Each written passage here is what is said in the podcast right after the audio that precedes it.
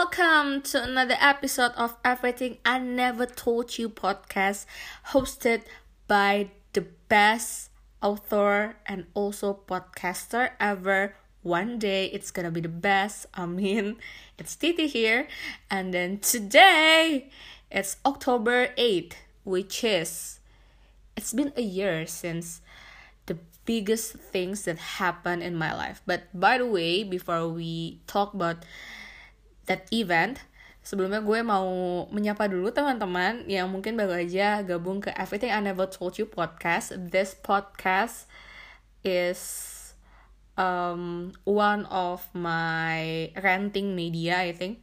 Kayak gue akan lebih banyak renting di sini, ceritain hal-hal yang nggak pernah gue ceritain di sosial media mana pun. Tapi nggak menutup kemungkinan juga bahwa di dalamnya pasti akan selalu ada pengalaman atau mungkin kisah-kisah yang bisa lo jadikan inspirasi, amin, atau mungkin kayak uh, cerminan aja kalau hidup tuh kadang emang isinya prank doang. By the way, di episode kali ini gue tuh mau sedikit throwback sama beberapa hal yang terjadi di tahun 2019. Ini tepatnya kejadiannya satu tahun yang lalu ya guys. Jadi tahun lalu di 8 Oktober 2019 it was the best day ever. Gue bisa ngomong itu karena salah satunya adalah uh, jadi gue itu tahun lalu di tahun 2019 kan gue masih jadi presiden kan di London School Radio itu salah satu klub radio di LSPR tempat gue kuliah S1 dan S2 terus dijelaskan lagi karena mungkin ada beberapa teman-teman yang taunya background gue nulis doang gitu atau taunya gue blogger atau mungkin tiba-tiba aja nyasar ke sini ya nggak sih? Maksudnya gue jelasin dulu.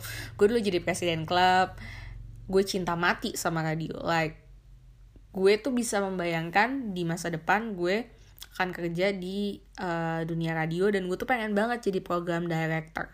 Gak kepikiran untuk jadi station manager nggak kepikiran untuk jadi penyiar tapi pengen banget jadi program director. Karena menurut gue program director itu adalah jantungnya dari radio. Kayak everything that happen in the radio station it's gonna be on the program director's hand gitu loh. Jadi apa pun yang terjadi apa pun yang dilakukan apa pun konten yang dikeluarkan it's all about uh, apa ya tanggung jawab responsibility of the program director. And it's really fun for me that that time di 2019 karena mungkin gue udah tiga tahun lebih gitu di dunia radio.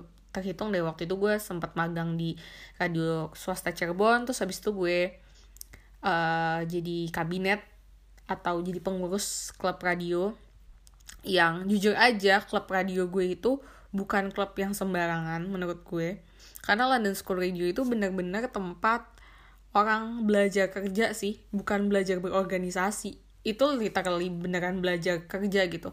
Kalau gue boleh kasih sedikit gambaran ya karena sekarang kan gue juga udah kerja. Tapi alhamdulillahnya gue kerja di tempat yang uh, chill gitu. Gue kerja di aplikasi nulis kan. Jadi uh, mungkin gak terlalu pressure karena gue juga suka sama nulisnya gue juga nulis di aplikasinya gitu loh. Tapi kalau di London School Radio tuh bener-bener pressure banget. Se-pressure itu. Udah kayak tempat kerja. Bahkan tempat kerja gue yang sekarang aja pressure-nya nggak setinggi di London School Radio gitu. Apalagi uh, dulu tuh tuntutannya bener-bener dari Senin sampai Minggu ya hidup lo buat radio sama kuliah doang gitu. Gue nggak kepikiran untuk ngerjain hal-hal lain. But that was fun. Hidup gue tuh bener-bener goal oriented banget waktu gue lagi di London School Radio. Karena menurut gue bahkan sampai hari ini sih everything happens for a reason. Dan uh, every chances itu adalah kesempatan yang maybe it's only happen once.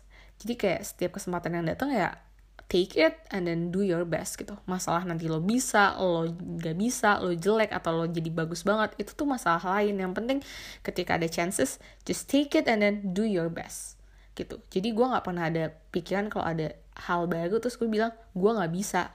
Gue takut jelek. Gue nggak pernah ada pikiran kayak gitu sih karena London School Radio diajarin untuk take every chances. Dan itu sih yang yang bikin gue sekarang lebih pede sama diri gue sendiri mungkin karena gue udah apa ya gue nggak bilang gue di atas teman-teman yang lain gue nggak bilang lebih baik daripada orang lain tapi gue ngerasa untuk ukuran gue sendiri gue udah ngelewatin tiga tahun bareng sama London School Radio so I hope in five or ten years in my career journey gitu kan. Karena gue nggak tahu gue akan berkarir sampai kapan. Karena gue cewek. At the end of the day cewek pasti kepikirannya adalah lu harus cepet-cepet punya suami punya rumah tangga but we'll get into that later. Gue gak tahu sih di episode berapa kita ngomongin itu. Cuman uh, gue ngerasa karena gue di London School Radio ya lebih siap aja gitu untuk ngejalanin hidup yang lebih profesional. And by the way karena gue punya pemikiran dan punya mimpi untuk uh, menjadi seorang uh, program director gue tuh udah sempet dapet tawaran kerja dulu. Pas gue jadi presiden di tahun pertama gue presiden tuh dua kali. Gue dapet tawaran kerja di salah satu radio yang gue tuh suka banget. Dari alumni LSR tapi gue nggak bisa dap ngambil karena waktu itu gue udah jadi presiden. Gue nggak mau gitu loh.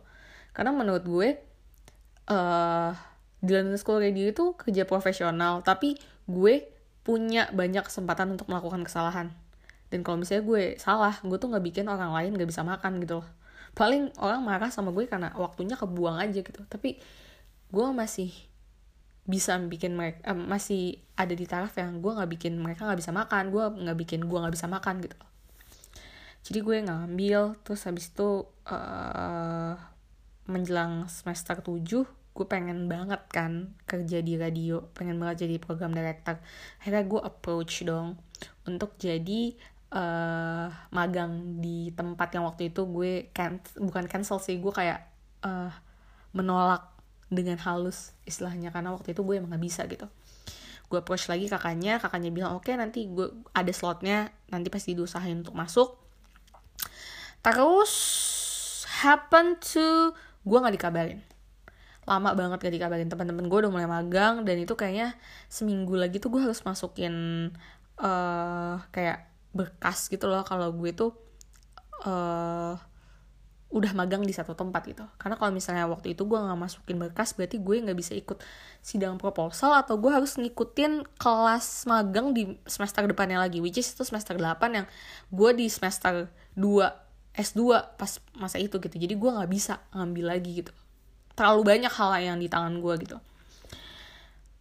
Terus akhirnya gue approach lah di tempat di kantor gue yang baru waktu itu gue sempet kerja bareng sama si kantor gue yang baru ini karena dulu tuh gue nulis di 2018 gue tuh suka banget nulis di aplikasi ini. Uh, namanya Joylada. Hai teman-teman Joyladaku gue approach uh, Joylada di 2018 gue DM karena gue tuh kepo banget Joylada tuh aplikasi apa sih sebenarnya di 2018 padahal gue udah mulai nulis dan baca cerita di sana. Gue tuh pengen tahu gitu di dalam aplikasi ini tuh kayak gimana gitu. Karena uh, menurut gue pada saat itu ya gue tuh bukan orang yang mudah untuk download aplikasi dan stays in one application and then feeling excited about something gitu loh. Karena hidup gue sangat hektik dan untuk meluangkan waktu untuk sesuatu hal yang baru lagi tuh berarti oh, hal tersebut tuh bener-bener bikin gue excited. Akhirnya gue undang gue tahu ternyata jual ada kayak gimana dalamnya ternyata seru dan lain-lain terus ya udah gue kira gue cuman siaran sekali aja. Gue waktu itu inget banget gue siaran banget bareng sama Ko Michael sama Kagiri. Kagiri itu desainer. Tapi ya udah gitu itu 2018 dan udah aja lewat gitu. Tahun 2019 gue inget gue masih punya kontaknya Kak Michael.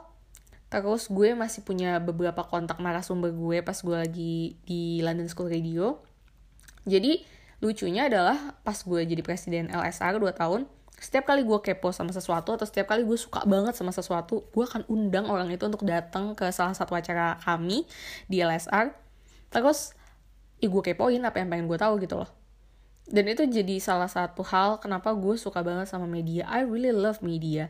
Gue suka banget punya podcast gue suka banget punya blog gitu. Karena menurut gue sangat menyenangkan untuk bisa ketemu sama orang-orang hebat dan bilang kalau nama gue Titi gue dari media ini bisa uh, bisa minta waktunya nggak untuk ngobrolin tentang ini.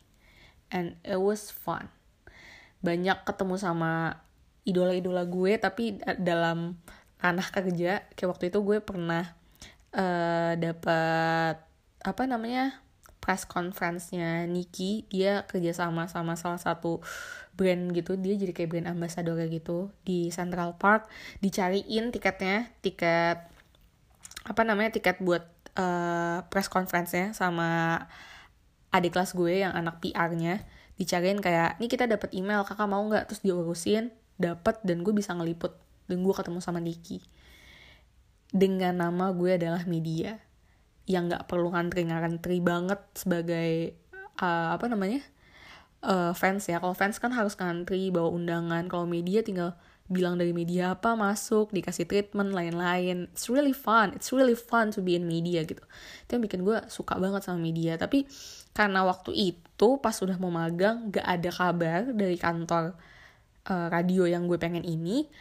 Akhirnya gue coba untuk approach beberapa narasumber yang emang gue suka uh, tempat kerjanya dan gue pengen tahu gitu ada gak sih apa namanya chance gitu. Untuk gue mungkin magang aja di sana. Karena magang cuma tiga bulan gitu loh. Yang penting gue magang selesai.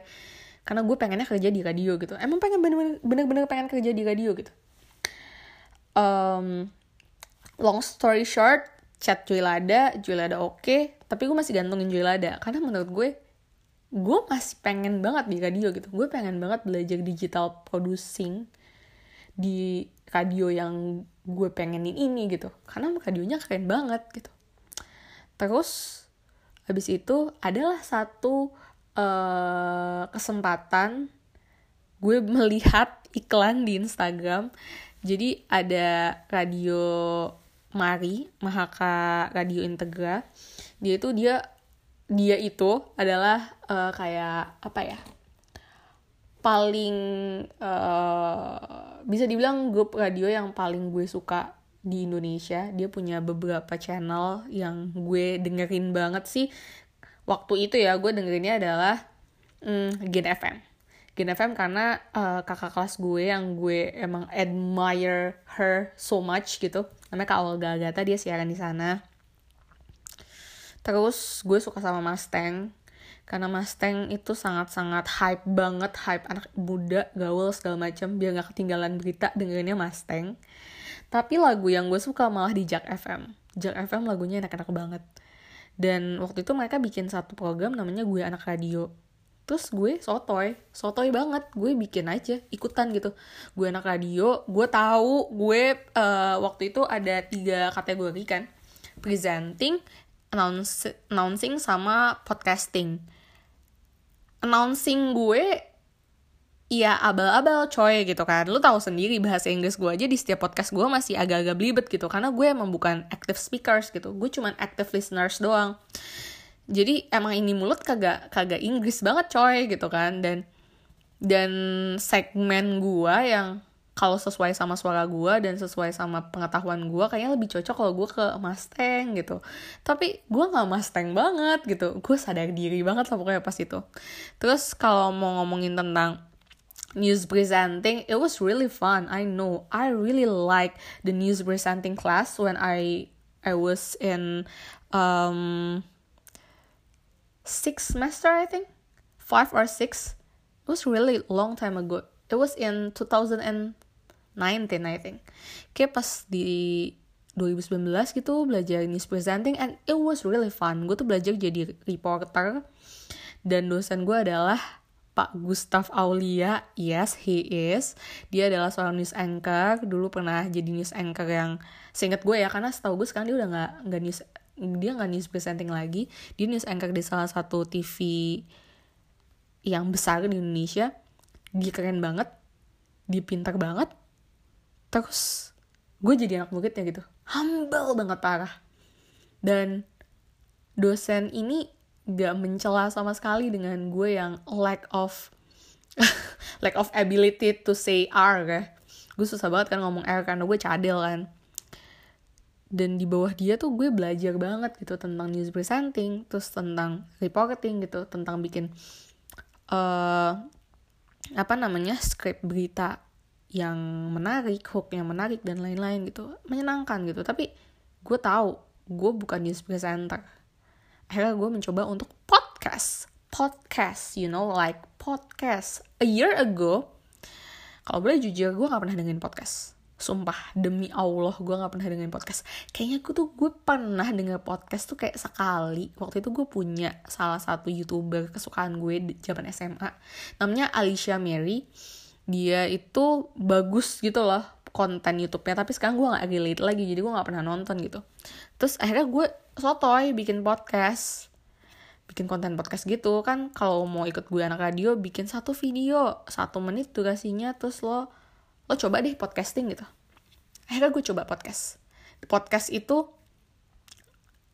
tanpa skrip gue kasih tau ya ini gue bikin tanpa skrip gue nggak bikin pakai skrip terus juga gue uh, mikirin apa namanya mikirin skripnya tuh kayak sambil jalan aja gitu. Dan yang paling bikin kocaknya lagi guys ini terkocak banget sih. Jadi waktu gue bikin si podcast ini itu kejadiannya adalah gue uh, harus ada meeting di Joylada. Itu kayak gue baru baru banget mau masuk Joylada kayak lebih kenal dulu terus habis itu uh, kenalan sama anak-anak kantornya tempat duduk gue di mana yang gitu-gitu gue belum masuk kerja. Karena waktu itu gue ada ada kerjaan lain gitu di radio jadi gue nggak bisa mulai di minggu itu gitu.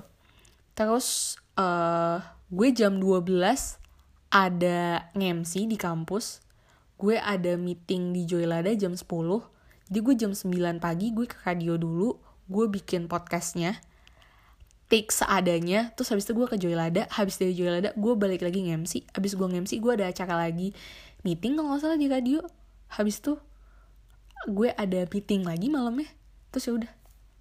Kayak ini tuh gas nggak ada preparation sama sekali gitu. Kita dengerin ya ini sebenarnya ada di Instagram gue. Gimana sih People, welcome to Alice in People's World Podcast. Hari ini sebelum gue masuk studio, teman gue cerita kalau dia kembali melakukan self-harm atau kegiatan menyakiti dirinya sendiri. Katanya dia stres banget sama kerjaan, sampai dia nggak bisa ngasain apa pun dan bikin dia memutuskan untuk menyakiti dirinya sendiri awalnya gue ngerasa kayak aduh apaan sih lo lebay banget tapi setelah gue pelajari ternyata self harm itu adalah kegiatan yang mereka lakukan untuk menemukan diri mereka sendiri atau merasakan sesuatu lagi kalau udah gitu kita sebagai orang-orang di sekitar ya jangan ngolok-ngolok ataupun menjauhi mereka yang harus kita lakukan adalah membuat mereka merasakan diri mereka sendiri dan menaikkan self esteem mereka. Caranya gimana sih? Ajak aja mereka untuk melakukan self improvement atau sesuatu hal yang bisa membuat mereka produktif. Dengan seperti itu, mereka merasa mereka itu menghasilkan sesuatu dan kembali berharga. Semoga teman-teman di luar sana yang merasa worthless juga gak melakukan hal ini lagi. Karena hal ini membuat kita merasa kecanduan dan gak bisa berhenti kalau kita gak menemukan self-esteem kita. Well, keep... well, hello people, welcome. Gak tau deh kenapa itu kepotong ya guys. Lo bisa lihat di instagram.com slash di bawah-bawah 26 September 2019 gue upload. Uh, gue nggak bikin skrip sama sekali. Ngomong aja. Dan itu pengetahuan yang ada di skrip itu adalah latar belakang dari skripsi gue di S1 dan setelah gue sadarin ya pas gue udah agak, agak gedean dikit gitu. Bukan agak gedean sih agak beberapa bulan setelahnya gitu. Gue sadar kenapa gue bisa ngomong selancar itu walaupun ada tersendat sedikit karena kayak baru sadar itu kalimatnya ada yang keulang. Katanya ada yang keulang gitu. Gue baru sadar kenapa gue bisa nyaman dan ngomong aja tanpa harus ada uh, poin-poin atau apa pun itu tanpa ada skrip juga karena gue udah latihan untuk hal ini tuh selama hampir tiga tahun jalanin school radio jadi sesuatu hal yang kelihatannya nggak berguna gitu. Sesuatu hal yang kayak ngebosenin gitu. Itu itu. Terus kayak nggak ada hasilnya gitu sampai sekarang. Tapi ternyata itu yang ngebawa gue ke 100 besar gue anak radio season 2 dari Mari 2019 itu dari 6000 orang gue nggak tahu kenapa kok gue bisa dipilih gitu loh. Itu aneh banget. Itu seaneh itu menurut gue karena podcast gue jelek gitu. Podcast gue jelek yang nonton sedikit menurut gue sedikit ya untuk engagement segitu. Kok bisa gitu ah ditonton gitu gue? Kenapa ada yang ada yang mau? Sampai batuk tuh. Maaf ya guys. Sampai kaget gitu. Pas gue tahu itu juga di hari kedua gue magang. Nah itu udah cerita ya. Pokoknya tuh 26 September gue upload tuh podcast. Terus setelah 26 September gue upload podcast hidup masih uh, mencoba untuk ya Allah apa gue magang sebentar aja di Jolada habis itu gue pindah lagi tuh ke kantor radio karena gue pengen banget di radio itu. Terus masih nggak ada kabar juga. Sampai akhirnya Bismillahirrahmanirrahim. Ya mungkin di Joylada kali ya emang jodohnya. Terus tahun lalu di tanggal 7 Oktober gue masuk ke Joylada untuk pertama kalinya nah besoknya di 8 Oktober itu adalah hari yang paling nano-nano di hidup gue.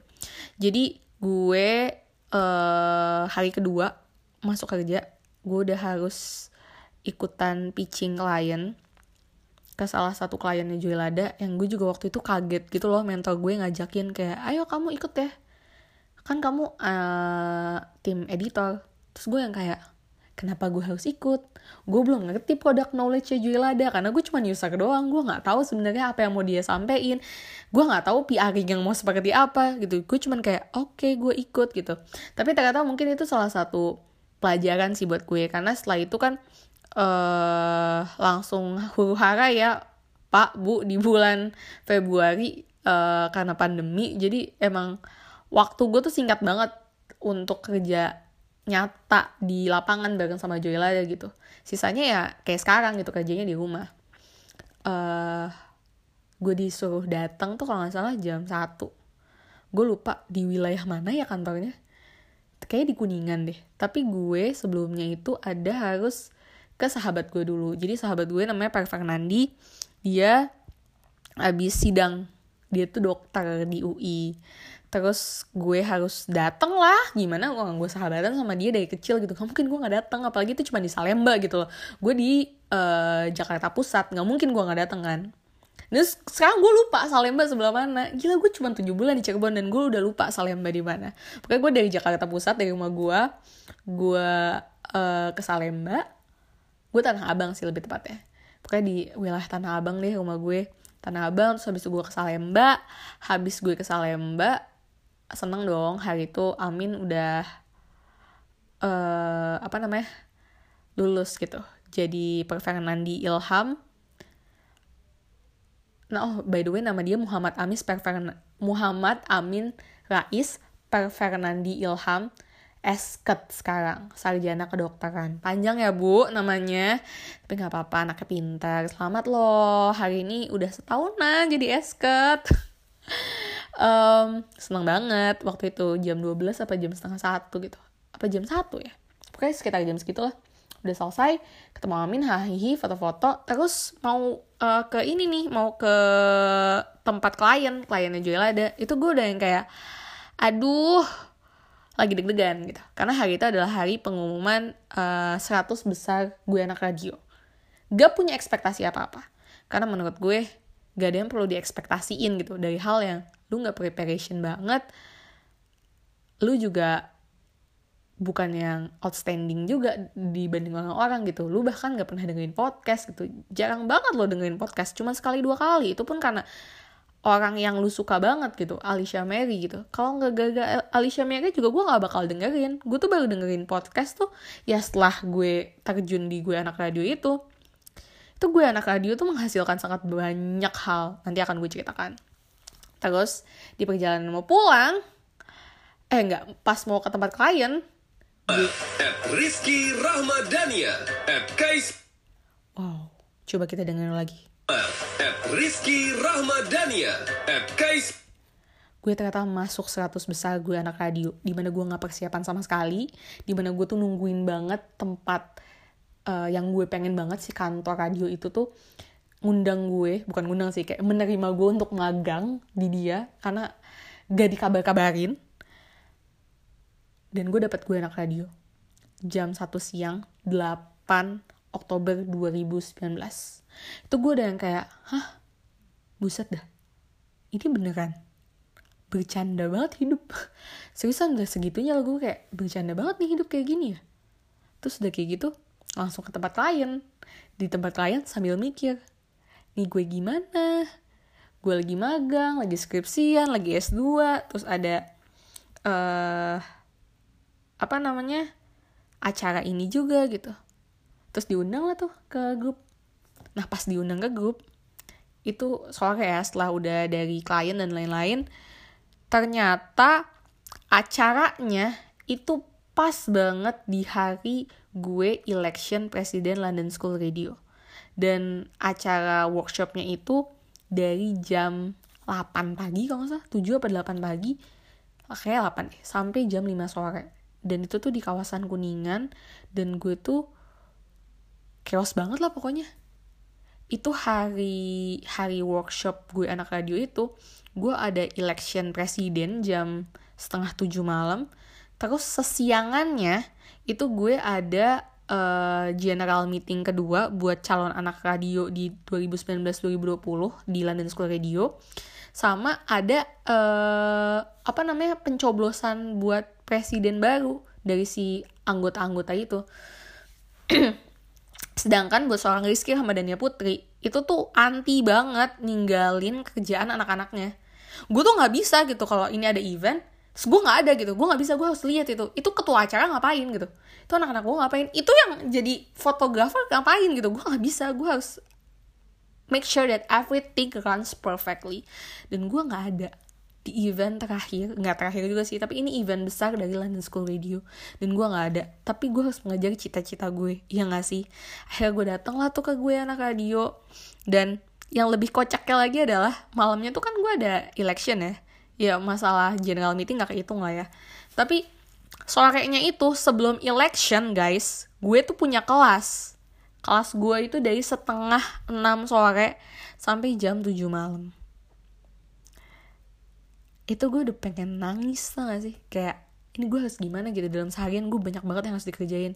Dan itu gue kepikiran hal tersebut di sorenya setelah gue pulang dari klien. Hari kedua gue magang di Joylada tapi yang namanya Rizky Hamadania Putri ya di 2019 tuh apa pun yang nggak mungkin itu bisa terjadi di tangan gue. Sekarang juga bisa sih sebenarnya kalau gue mau gitu. Tapi apa pun yang nggak mungkin itu pasti kejadian. Dan gue akhirnya ngatur aja gitu. Pokoknya bisa gitu. Pokoknya pasti bisa. Pokoknya pasti bisa. Telat pun nggak apa-apa. Yang penting gue kejar. Gue harus dapat ke kelas. Gue harus dapat juga ke election. Gue harus bisa juga fokus di gue anak radio gitu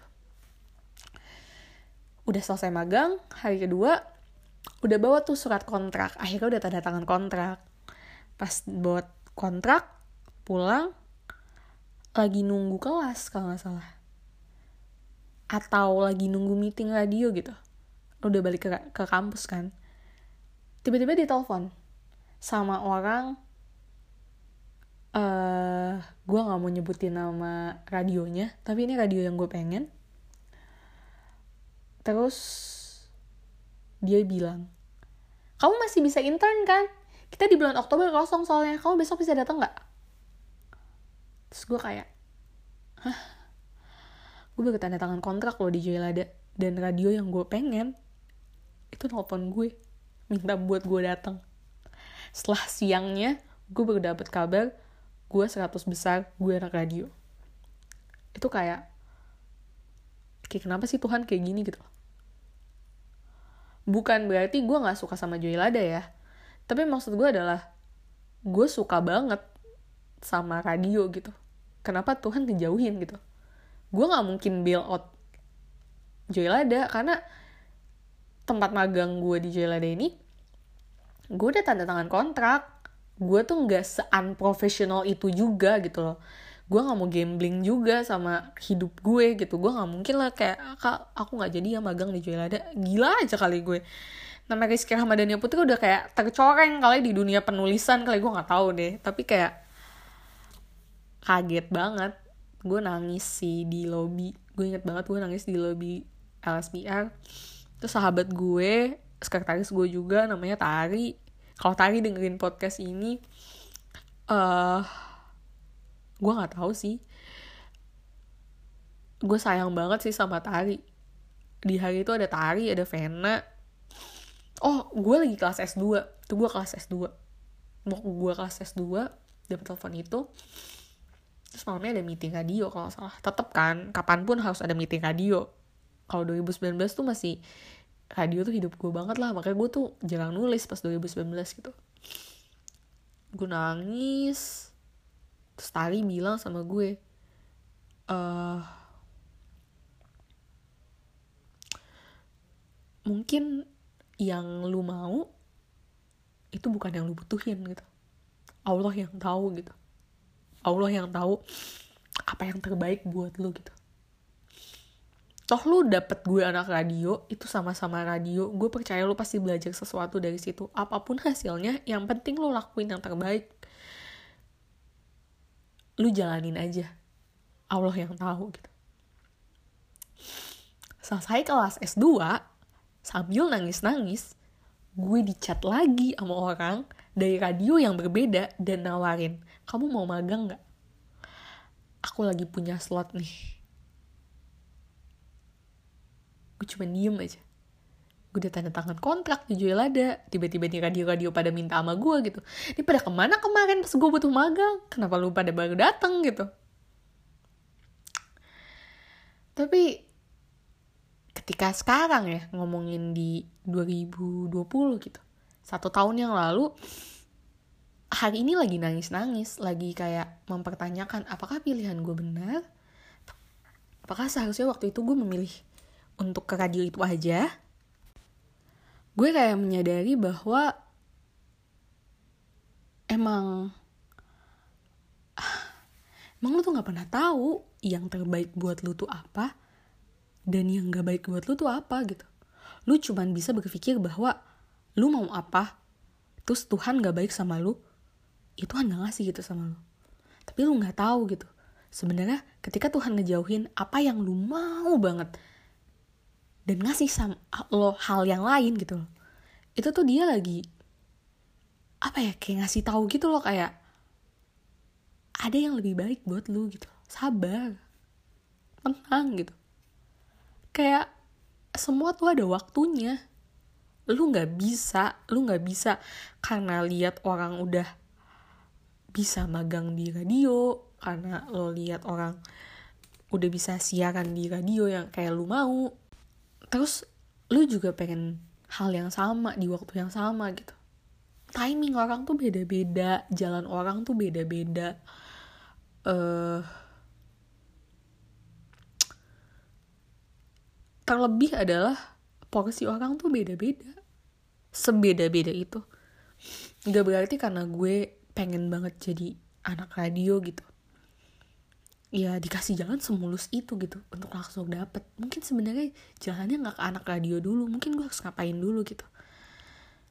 Dan setahun setelahnya setelah nggak jadi anak radio setelah kerja di tempat yang bikin gue punya banyak banget waktu untuk berkembang gue baru bisa apa ya memaknailah setiap kegagalan yang sebenarnya bukan kegagalan gitu. Cuman ya Allah ngasih yang lain aja gitu buat gue kalau gue boleh jujur pas gue lagi gue anak radio di 2019 itu gue sama sekali nggak fokus. Karena apa ya gue tuh punya banyak hal di kepala gue gitu.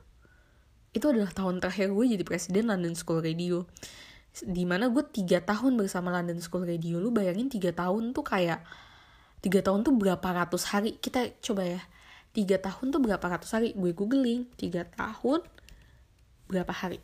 Ada yang nanya juga ternyata di Google selain gue. 1095 hari. 1096 sekitar segitu.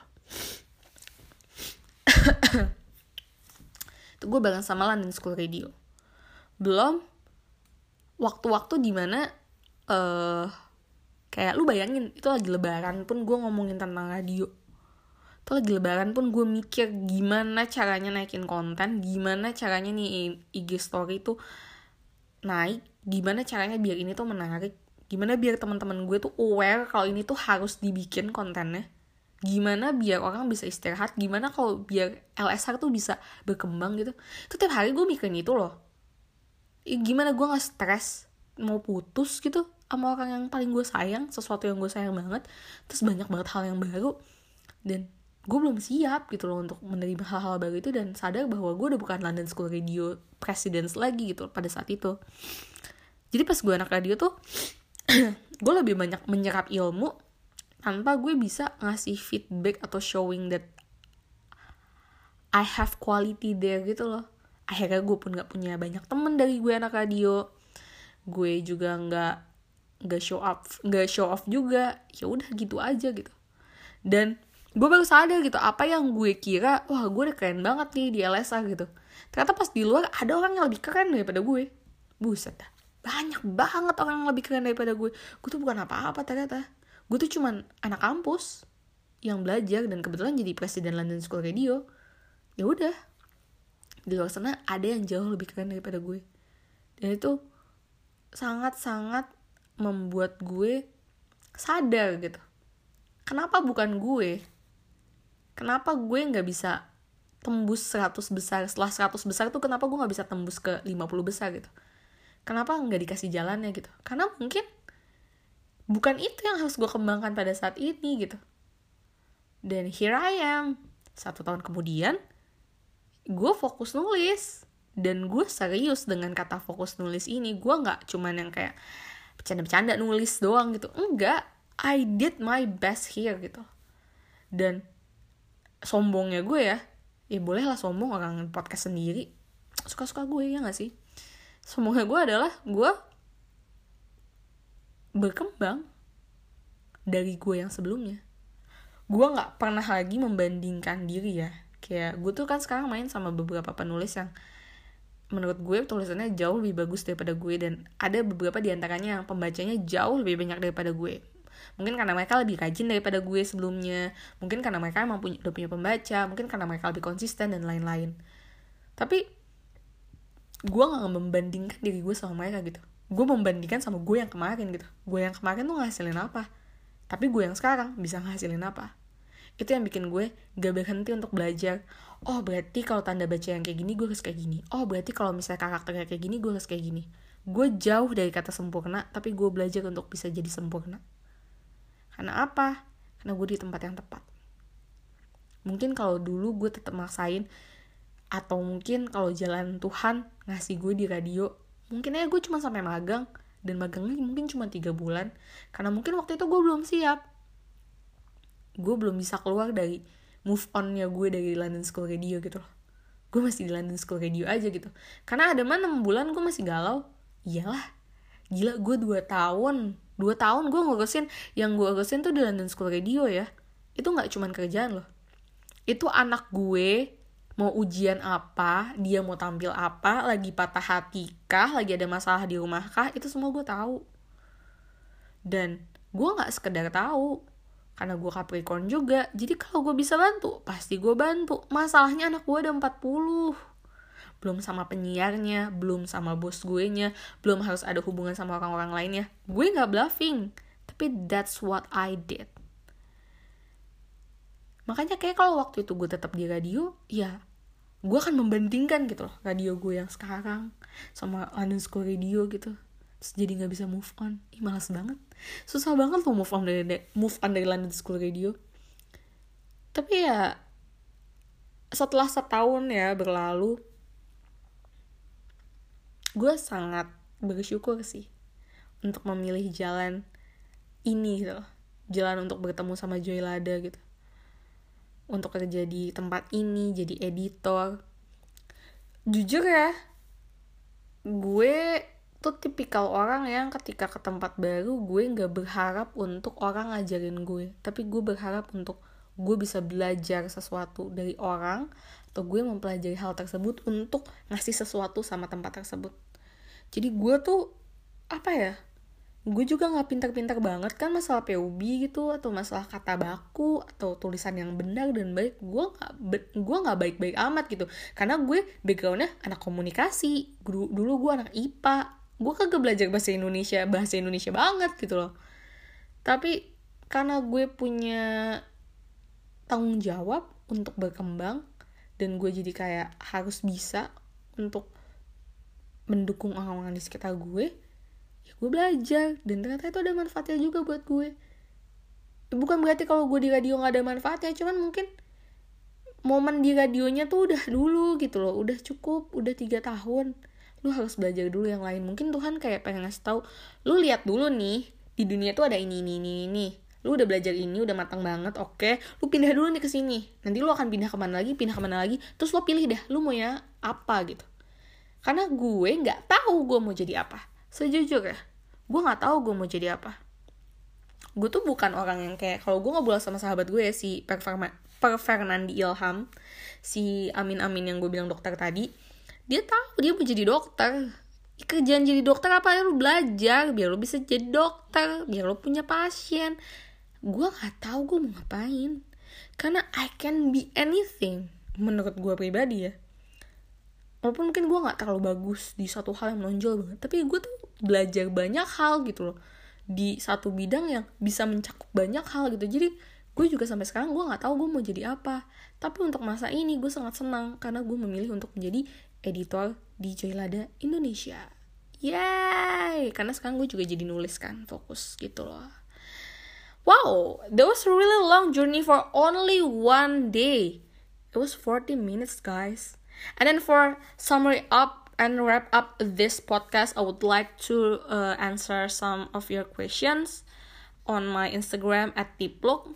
Gue udah sempet tanya kayak, ada gak sih hal yang lu tuh pengen banget tahu dari gue tapi nggak pernah gue jawab gitu. Setelah tadi gue udah ceritakan panjang lebar tentang kejadian di 8 Oktober 2019 sekarang gue akan menjawab beberapa pertanyaan teman-teman. The very first one is at msmriw underscore. How was your day kak? Hope you had a wonderful day. Today today is a really great day I think because I started work at 10 as usual and um, finish at two or three. Terus istirahat bentar uh, nulis. Terus gue kelas. Terus gue teleponan sama sahabat gue for one and one hour I think. Terus habis itu bikin podcast. I really had a beautiful day today. Setelah beberapa hari kemarin lagi capek banget. Gue tuh benci banget mengerjakan sesuatu yang gue nggak suka gitu. Dan gue berusaha untuk bikin jadi suka tuh kayak susah banget gitu. Tapi setelah masanya udah lewat it's getting better now. Then thank you for asking. Hope you have a really wonderful day too. Yay.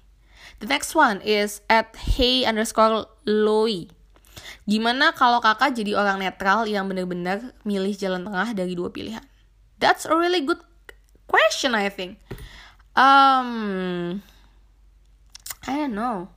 I've never been in that kind of situation before. But kayaknya sekarang ya gue lagi mencoba untuk lebih ke bukan netral sih. Gue lebih kayak masa bodoh gitu. Kalau hal tersebut gak ngaruh-ngaruh banget di hidup gue, gak bakal gue ladenin gitu. Tapi kalau emang itu berpengaruh sama hidup gue, bakal gue ladenin.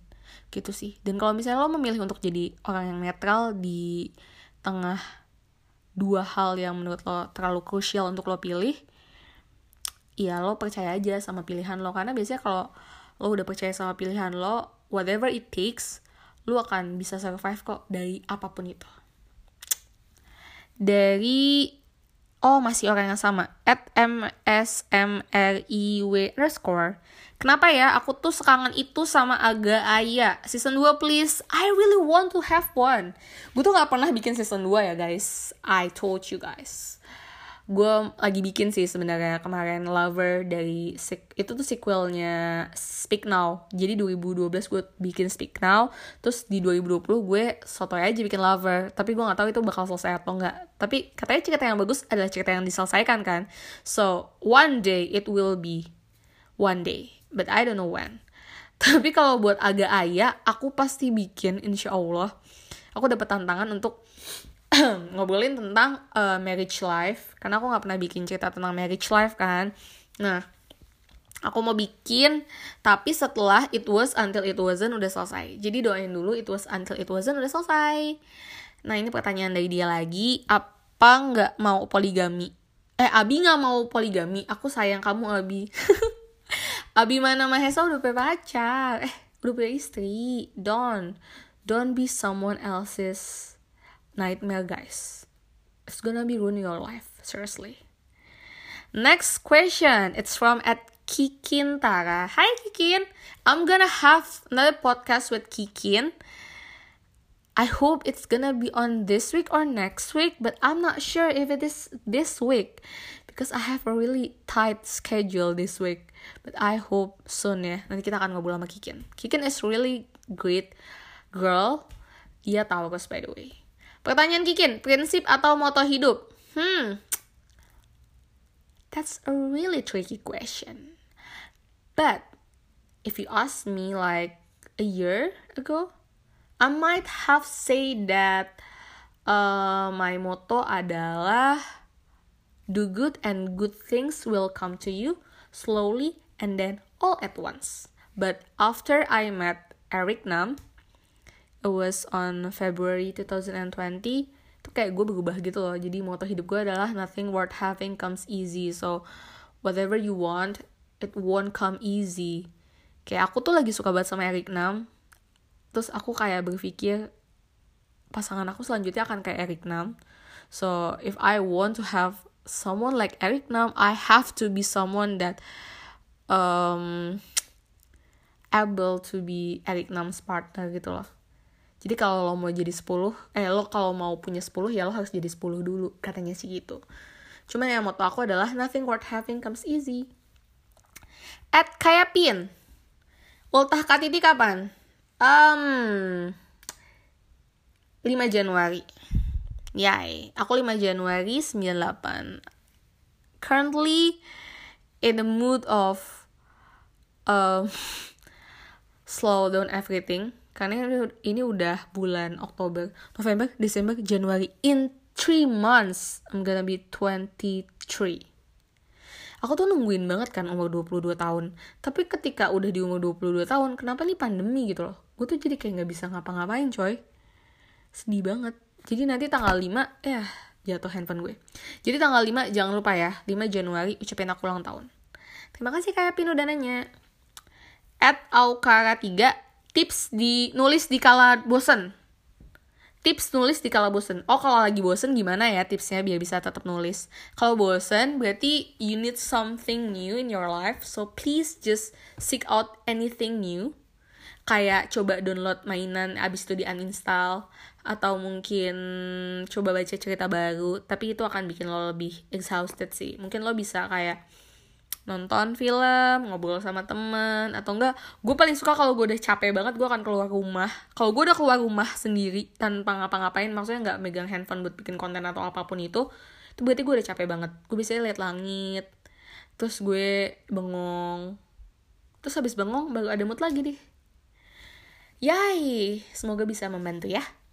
Terus dari @tata1106. Hai Kak Tata. What is your biggest fear in life? The biggest fear in my life? I don't have one. Wrong. I'm not sure I have one. I don't know. Should should I have one? I mean, should I have like something I feared about? I don't know. I mean, oh, I have one. Yeah, I have one. My biggest fear is ada di situasi yang nggak pasti. Jadi ini tuh salah satu hal yang bikin aku ngambil keputusan untuk ambil S2 sih. Karena aku tuh suka banget sama sesuatu hal yang sistematis gitu loh, yang pasti gitu. Kayak kalau S2 ini kan berarti aku harus 4 semester ya. 4 semester tuh ada semesterannya, ada kelasnya, harus ketemu sama dosen, harus ketemu teman-teman. Ada sesuatu yang pasti dan harus ada yang aku lakuin gitu loh. Makanya aku juga suka nulis, punya schedule dan lain-lain karena aku tahu gitu apa yang aku harus lakukan. Ketika aku nggak tahu apa yang harus aku lakukan it makes me feel helpless. Tapi sejauh ini aku nggak pernah sih ngasain kayak gitu. Uh, alhamdulillahnya ya aku nggak pernah ngerasain kayak gitu. Cuman I have like apa ya kayak ketakutan sendiri. Nanti after graduated from S2 itu hidup bakal jadi kayak gitu. Jadi kayak nggak tahu harus ngapain nggak tahu mau gimana lo nggak suka sama keadaan yang nggak pasti. And maybe that's why I'm struggling enough to find a partner gitu loh. Karena beberapa partner hidup aku sebelumnya partner hidup gak tuh? Kayak pasangan-pasangan yang sebelumnya itu adalah orang-orang yang mau go with the flow aja gitu. Kalau lo punya goals juga nggak terlalu yang kayak goal oriented banget. And I can't. Maksud gue kayak lo di hidup lo harus punya gitu loh. I don't know. It's it's something like maybe it can change someday I don't know. But thank you for asking kak. Anyway selanjutnya at Buniverse. Verse. Buniverse. Genre kesukaan kak Titi apa? Obviously drama, romance, positive vibes. I'm not the fan of fan fiction actually because at some point fan fiction might ru- might ruin uh, my imagination or my uh, thought towards some idols or some artists. So I don't really like fan fiction actually, but but anyway di Joylada juga kan fanfiction ya. Cuman mungkin fanfiction tuh lebih kayak kayak kayak kayak kayak gimana ya? Oh misalnya aku nulis soal BTS gitu aku kasih namanya Jungkook gitu. Nggak aku ganti tetap Jungkook. It's, it's kinda hard for me to to relate. Aku lebih suka yang pakai nama hasil teman-teman nulis aja. That's my love. Kok that's my love sih? That's what I love. Udah jam 23.15 sorry. Udah mulai nggak fokus. But thank you for asking. At Kairawu Kak Titi umur berapa? Kuliah jurusan apa? Aku 22,75 because in the three months in the next three months I'm gonna be 23 I guess we're in the same line or maybe just apart like one or two years ya kayaknya. Uh, kuliah jurusan apa? Uh, S1 Mass Communication. S2 Mass Media. Mass Media Management. Mass Media Management. Enggak enggak, enggak. judul nama jurusan gue bukan itu. SMMM Social Media and Mass Management that's my jurusan that's my major. Jam 11 malam coy. Kelihatan kan anak media banget gitu. Jadi dua-duanya sama-sama mass communication. Kenapa ngambil mass communication? Because I love media. Media itu punya satu nama eh uh, apa sih namanya? Teori teori uh, konstruksi media. Konstruksi media agenda setting it's really great to have power and magic to make people believe in what you make. Kayak keren ya padahal tanggung jawabnya besar banget. But anyway thank you for asking. Dari Auping I just want to know eh, I just want you to know that I love you kak. Hmm, thank you sayang. Jangan pernah bosan jadi orang baik ya kak. Sama makasih. Sama-sama Thank you so much Auping. She's really nice. Namanya uh, Auriska, tapi nama nama Instagramnya ada Auping. Terima kasih Auriska for really great words in in this kind of hour. Udah mulai tipsy gue tapi kayak I really I really appreciate your words. Thank you so much. You're really kind. Ya amin. Semoga nggak bosan jadi orang baik. Semoga kamu juga begitu ya at utran dot tan underscore tiga enam lima kamu masih sekolah apa udah lulus belum lulus Insya Allah tahun depan lulus jadi MIKOM. Amin. Doain ya teman-teman ya. Magister Ilmu Komunikasi. Aku lagi S2 sayang. Um, terakhir ada dari at Anatilafeix underscore. Kak Titi mulai suka nulis cerita sejak kapan dan ada motivasi dari mana? Aku suka nulis cerita dari umur 7 years. Kelas 2 SD, berarti 7 years ya, 7 years. Aku suka nulis di buku tulis halus gitu tau gak sih yang garisnya ada beberapa biji aku tuh suka banget bikin nama guys motivasinya adalah waktu itu aku suka sama film judulnya Heart yang main adalah Acha Septriasa, Irwan Shah, Nirina Zubir. It was a really great movie. Klise sih, tapi nice. Terus filmnya bagus, aku beli novelnya di Gramedia dan itu tuh zaman yang orang suka bikin film eh suka bikin novel dari film gitu loh dan aku mikir kayak I could make one someday by myself dan akhirnya nulis terus sampai sekarang jadi udah berapa tahun tuh ya kalau dihitung-hitung udah cukup lama sih. Aku juga nggak sadar. Aku nggak aku nggak tahu ya. Jadi waktu uh, kalau ngomongin tentang nulis sendiri oh udah 15 tahun aku nulis. Aku tadi buka kalkulator dulu. Exactly jam 23.19 guys. What did you expect from me? Like gue masih bisa ngomong aja udah bagus. Ini udah ngantuk sebenarnya. Um, aku tuh nulis blog kan aku mulai nulis blog itu di tahun 2010 dan ini udah tahun ke-10 aku nulis blog sempat hilang sempat mulai nulis lagi sempat hilang lagi. Tapi aku tahu dari pertama kali aku bikin blog ini gak bakal pernah mati gitu.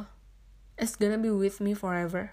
Like I would do this forever. Until maybe I couldn't make it there lagi nggak nggak mungkin nulis di blog lagi tapi aku akan tetap selalu nulis gitu. So I love writing. And then maybe that's why akhirnya aku diminta sama Tuhan untuk balik ke field ini daripada lanjut di radio. But anyway thank you so much for you guys yang udah dengerin hampir sejam cerita tentang 8 Oktober 2019 dan flashbacknya di 2020 beda banget guys. 8 Oktober tahun lalu hari paling hektik sedunia dari pagi sampai malam lagi. Udah habis kelas masih ada apa meeting lagi. Habis meeting masih ada drama lagi. Everyday like gue nggak pernah punya waktu istirahat gitu. Tapi sekarang gue juga masih nggak punya waktu untuk istirahat. Tapi gue di sini sini aja. Gue di rumah di kamar gue di tempat kerja gue selama tujuh bulan ini. Mau ngeluh tapi kadang gue harus bersyukur sih kalau iya juga gak semua orang punya kesempatan yang sama kan untuk tetap di rumah dan tetap bisa kerja dan ngelakuin apa yang gue suka. Iya gak sih? But anyway thank you so much for listening this podcast and make sure if you guys want to ask anything about things that I never told you please just hit me through DMs boleh di Twitter at Rizky Rahmadania. Di Instagram juga at Rizky Rahmadania. Atau kalau mau ngomongin tentang kepenulisan let's meet up at Tipluk aja. At Tipluk kaknya dua. That's it for today and I'll see you guys in the next episode. Bye bye